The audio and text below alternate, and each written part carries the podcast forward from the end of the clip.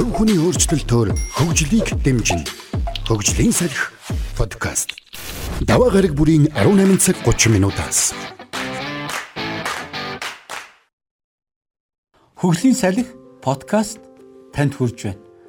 Бид нар та бүхэнд харилцааны тухай ярина гэж хэлсэн. Тэгээ хоёр дахь дугаараараа бид нэг дахь дугаараараа бид нар юуны тухай ярьсан бэ гэхээр харилцаа чухал гэдгийг ойлгох нь бидний харилцаанд ямар чухал вэ гэдэг тухай ярьсан байна. За өнөөдөр бид нар хоёрдугаар сэдвэрээ харил эрэг харилцааны сэтгэл зүг би хэрхэн бүрдүүлэх вэ? Бид нар заримдаа харилцаандаа үргэж бусдыг буруутгадаг. Эсвэл бол бусдаа харилцаж эхлэхээс өмнө бид нар харилцааны харилцаж байгаа хүмүүсийнхаа талаар бусдын талаар таагүй бодол дурсамжууд тээчдэг нь бидний харилцааг хумдаг. Биднийг амжилтгүй байх нөхцөл болчдөг. Тийм учраас бид нэр харилцаа чухал гэдгийг ойлгоо зогсохгүй эрг харилцааны сэтгэл зүг өөрийн дотроо бий болгож сурах явдал маш чухал. Мэдээж бид нар амьдралын таатай таагүй нөхцөл байдлуудын дунд амьдарсан таатай таагүй нөхцөл байдлуудыг бид нар мэдэрсэн нь магадгүй бусдад харилцах харилцаа өнгөрсөн хугацаанд амжилт долоогүй эсвэл амжилттай байсан зүйлсүүдээс бидний бусдад харилцах харилцааны сэтгэл зүй бүрэлдэн тогтсон байдаг. Гэхдээ бид нар эрг харилцааны сэтгэл зүг өөртөө бүрдүүлж сурахын тулд дараах таван чухал зүйлийг хамтдаа сурыг гэж бодож байна. Хөгжлийн салхи подкаст танд хүрж байна. Нэгдүгээрх нь бид нар эрэг бодлоор дүүрэн байж сурах явдал маш чухал. Заримдаа бид нэр өөрсдийнхөө амьдралын өнгөрсөн цаг хугацаа эсвэл бусдын амьдралын түүх дурсамжуудаас сонсохдоо эрсдлүүдийг мөн муу үр дүнгийн талаарх зүйлсийг ботцсон байдаг. Тэгээ бид нар аливаа зүйлийн талаар бодохдоо яах вэ гэхээр бид нар юмыг сөрөг талаас нь бодох гээд. Тийм учраас бид нар хамгийн нэгдүгürt эрэг хандлагыг өөрийн дотор бүрдүүлэх явдал маш чухал юм. Бид нар хүмүүстэй уулзахдаа хүмүүс энэ зүйлийн талаар ийм сайн, ийм эрэг бодлууд тээцсэн байгаа гэдгийг ойлгох ёстой. Заримдаа бидний сөрөг бодлууд биднэрт эрэг харилцааг авчирч чаддгүй. Тийм учраас харилцаа гэдэг бол бидний дотроос эхэлдэг. Бидний дотор ямар бодлууд байна? Тэр маань хандлага болчдөг. Тэгээ тэр хандлага дээрээ суурилсан харилцааг үүсгэдэг. Тийм учраас би танд хэлмээр байна. Үргэлж аливаа зүйлийг эргээр бодож байгаарай. Хоёр дахь чухал зүйл. Хоёр дахь чухал зүйл. Бид нар бусдад харилцахдаа дандаа бусдыг яах нь бусдыг энэхүү ярьж байгаа асуудал дээр миний бодож байгаа зүйл дээр миний одоо ярьж байгаа зүйл дээр эргэн тойронд болж байгаа зүйл дээр ямар бодолтой байна гэд бодоод ид. Эсвэл бол бид нар бусдын одоо санаа бодлыг яах вэ? Анхаарах гэдэг. Энэ хүн ингэж бодож байгаа юм байна гэд. А гэтэл би танд хэлмээр та үнэхээр эрг харилцааны сэтгэл зүг бүрдүүлэхийн тулд бусдыг буруутгахаас өмнө бусдын тухай бодхоос өмнө хамгийн түрүүнд яах вэ? Өөрийгөө шалгаж сурах хэрэгтэй. Шалгаж сурах хэрэгтэй. Заримдаа асуудлын гол одоо гол гогцоо нь бид нар өөрсдөө байх магадлал өндөр байдаг. Хүмүүс ерөнхийдөө ихэнхдээ харилцаан дээр өөрийгөө биш бусдыг буруутгах гэдэг. Тийм учраас хүн өөрийгөө шалгаж сурах явдал маш чухал. Маш чухал. Би ер нь яагаад ийм характер гаргадیں۔ Би яагаад ийм зан чанар гаргадیں гих мэдчлэн аливаа асуултуудыг өөрөөсөө асууж сурах явдал маш чухал юм. Хөгжлийн салхи подкаст. Өөрийгөө шалгана гэдэг бол би аливаа харилцаанд ямар хариуцлагыг үүргэж байгаа вэ гэдгээ мэдэх ёстой. Бид нар ярилцж байгаа зүйл дээрээ би бас ямар хариуцлага үүрж байгаа вэ гэдгээ мэдэх ёстой хэрвээ та ярилцж байгаа зүйлийнхаа талаар эсвэл бол одоо бусдад харилцаж байхдаа би ямар хариуцлагыг амлалт болон те одоо энэ харилцааныхаа хувьд хамгийн одоо чухал ойлгох ёстой зүйл бол би ямар одоо хариуцлагыг энэхүү одоо харилцаанд үрж байгаа вэ гэдгээ ойлгох нь маш чухал байдаг. За гурав дахь чухал зүйл бол шархалсан хүн бусдыг шархлуулдаг шүү гэдгийг ойлгох ёстой. Бид нар өнгөрсөн амьдралынхаа туршид заримдаа бидний сэтгэлийн олон одоо тэр шархуудыг тээцсэн байдаг. За тэрмээ тэр байдлаараа бид нар бусдад ханддаг. За би та бүхэн нэгэн жишээ яриа. Би нэгэн эмэгтэй хүний жишээг ярьж өгмөр байна. Тэгээд нэгэн эмэгтэй нэгэн байгууллагт одоо ажиллаж яхад ажилдаг, ажилдаг. Тэгээд одоо дунд тушаалын альбом тушаалтан байсан баг. Тэгээд тэр эмэгтэй одоо эрэгтэй хүмүүст бол одоо үнэн голоосоо дургу харилцахдаа тэднэрт үргэлж одоо тэр таагүй хандлагыг үзүүлдэг байсан. Жишээлбэл ийм маягаар хүн ингээ гой хувцсан өмсцэн байвал хөөх наа чи ямар гоё пижек вэ? Даан чам цохгүй байна. Эсвэл бол чиний өмсцэн хувцас ямар гоё өнгөтэй юм бэ? Гэхдээ чам зөхгүй байна. Гих мэтчлэн эрэгтэй хүнтэй харилцах болгондоо тэднэрт таагүй мэдрэмжүүдийг төрүүлдэг гэсэн. Тэгээ энэ асуудал нь газар авсаар байгаад байгууллага дотор нэлээд том газар авсан. За тэгээд хэсэг хугацааны дараа хоорондоо ярилцсан байна. За бидний харилцаа ийм байдлаар цаашаа үргэлжлэх ёстой юм уу? Бид нар юу яагаад ингэдэм бэ? Нөгөө нэг түүн тэр тэр эмэгтэйтэй харилцсан ирчүүд ч хүртэл мөчөөгөө өгөхгүй түүнийг эргээд янз бүрийн байдлаар явах. Одоо тохуурхах, дооглох, нэр хөөчих байдал нь тэр байгууллагын харилцааг улам их нураас. Тэгээд байгууллагын одоо нэг залуу тэр бүсгүүтэй одоо өдрийн хоол идээд ярилцсан баг бид нар яагаад юм бэ юм бэ? Өөрөө яагаад ингэж ийд юм бэ те? Бидний одоо энэ хоорондын одоо энэ харилцаа маань явж явж ажлыг маань бидний гол одоо тийм ээ зорилгыг маань татан унгааж байгааг анзаарч гинүү гэж ярилцсан баг. Харин яг тэр үед тэр бүсгүй өөрийнхөө одоо ахлах ангид сурж исэн үйл явдлаа тэр залууд ярьж гисэн байна.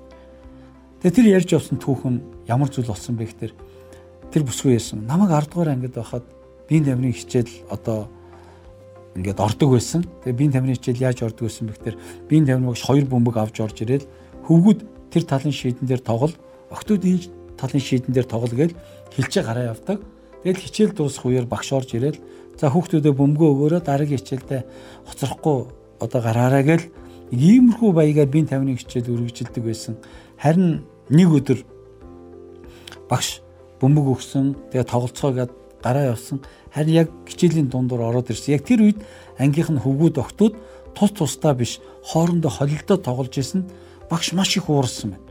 Бас багш нь маш их уурлаад хөвгүүдийг ийшээ бол октодыг ийшээ бол гэж загнасан.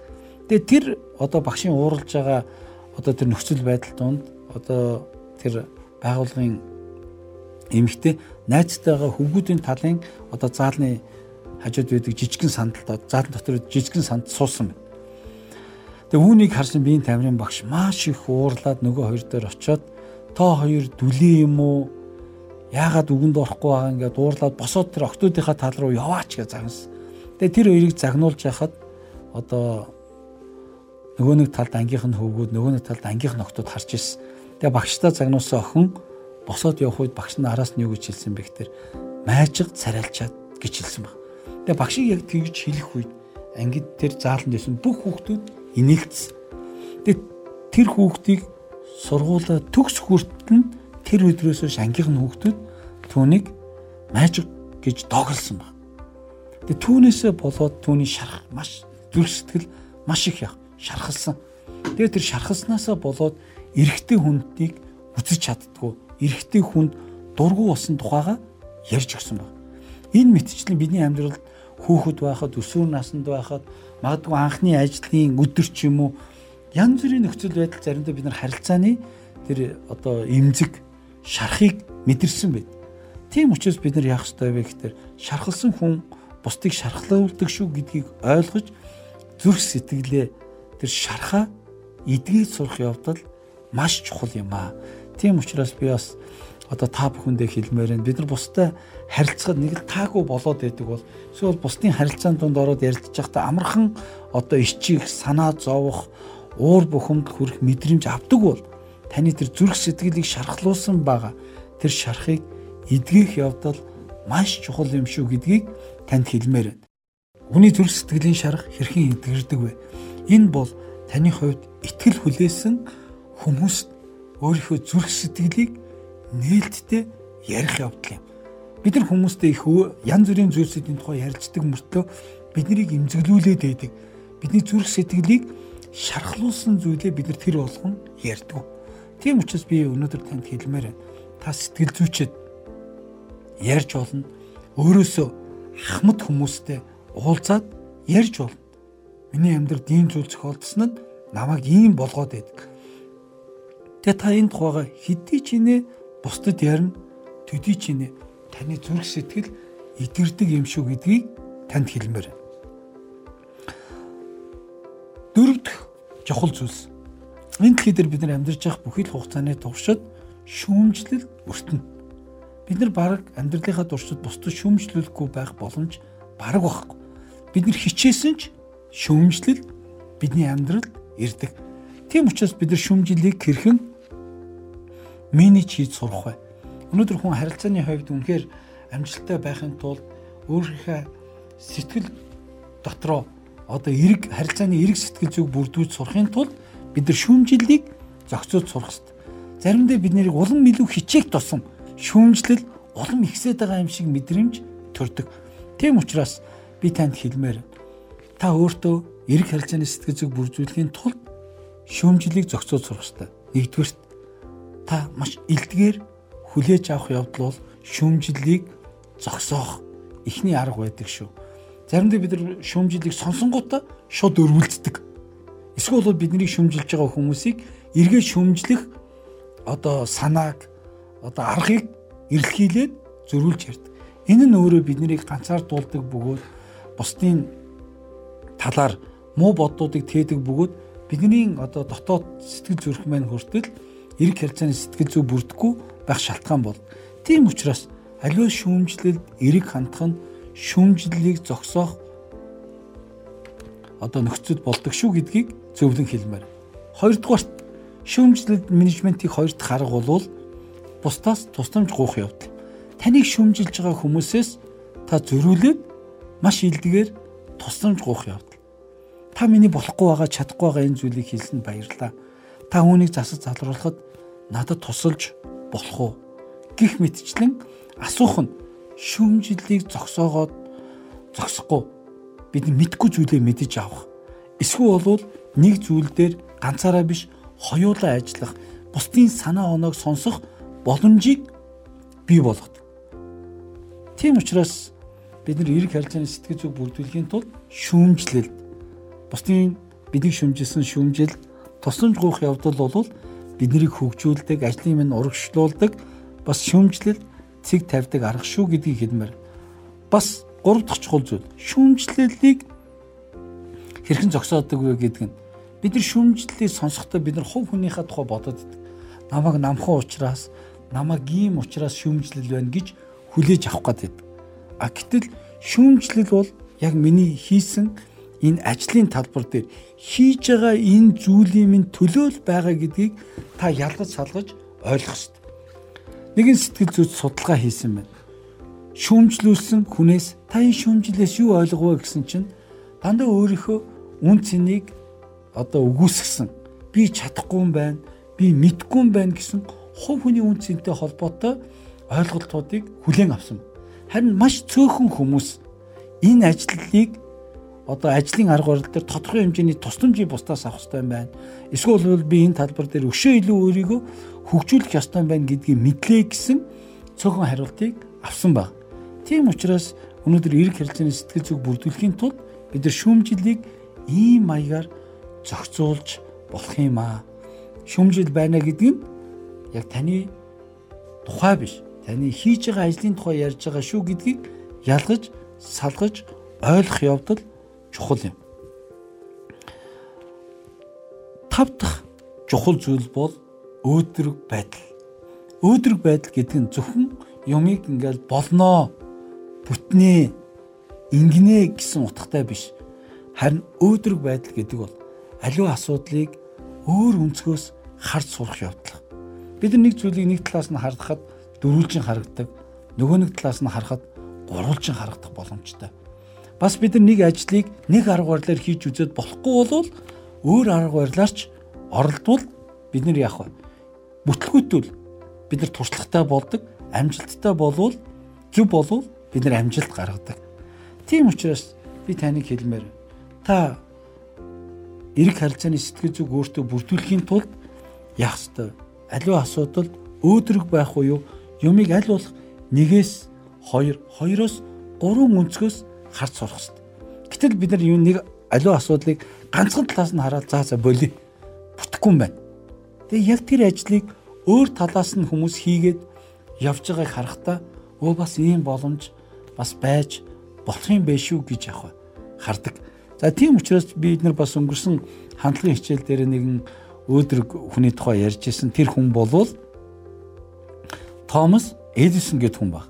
Тэгэхээр би бас түүнийг бас та нарыг энэ цаг үед бас санаасаа өөрийнхөө хөгжлийн бэрхшээлтэй мэдлэг боловсралгүй энэ байдлаа өөр өнцгөөс харсан нь олон чухал нээлтүүдийг бий болгох шалтгаан болсон. Тийм учраас аливаа асуудлыг өөр өнцгөөс харах өөдрөг хандлагыг үргэлж өөртөө төлөвшүүлэх явдал маш чухал юм аа. Тийм учраас би та бүхэндээ нэг зүйлийг хэлмээр байна. Бидний хувьд харилцаа бол маш чухал. Хүн амжилттай амьдрахын тулд харилцаа чухал. Тийм учраас бид нар эхний өмнөх дугаараараа бид нар харилцаа бол чухал гэдгийг ойлгох хэрэгтэй гэдэг тухай ярьсан бол бид нар энэхүү дугаараараа эрэг харилцааны сэтгэл зүг хэрхэн өөртөө бүрдүүлж болох вэ гэдэг тухай ярьсан. Тийм учраас та бүхэнд хөгжлийн салхи подкаст үргэлжлүүлэн хурж байна. Тийм учраас та бүхэн харилцааны сэтгэл зүг эрэг харилцааны сэтгэл зүг өөртөө бүрдүүлэхийн тулд эрэг хандлагатай байгаараа бусдыг биш өөрийгөө шалгаараа бидний шархалсан бидний гимзэглүүлдэг зүйлсийг та эдгээгээрээ бусдтай ярих тусам бусдаа энэ талаар хөөрөлдөх тусам бидний шархалсан зүрх сэтгэл эдгэрдэг шүү гэдгийг танд хэлмээр байна. Дөрөвдүгээрх чухал зүйл нь шүмжлэлийг зохицуулж сураарай. Тав дахь чухал зүйл бол асуудлыг үргэлж өөр өнцгөөс харах хандлагыг өөртөө бий болгох нь эрэг харилцааны сэтгэл зүг бүрдүүлэх боломжтой юм а. Бид нар харилцаа чухал гэдгийг ойлгох үед бид нар түүндээ анхаарч эхэлдэг. Бид нар эрэг харилцааны сэтгэл зүг бүрдүүлэх тусам бид нар бусдад харилцахад маш нээлттэй болж идэг. Тийм учраас бид нар дараагийн дугаараар эрэг харилцааны арга барилын тухай та бүхэнтэй хуваалцах болно. Танд амжилт хүсье. Хувь хүний өөрчлөлтөөр хөгжлийг дэмжинэ. Хөгжлийн салхи подкаст. Даваа гараг бүрийн 18 цаг 30 минутаас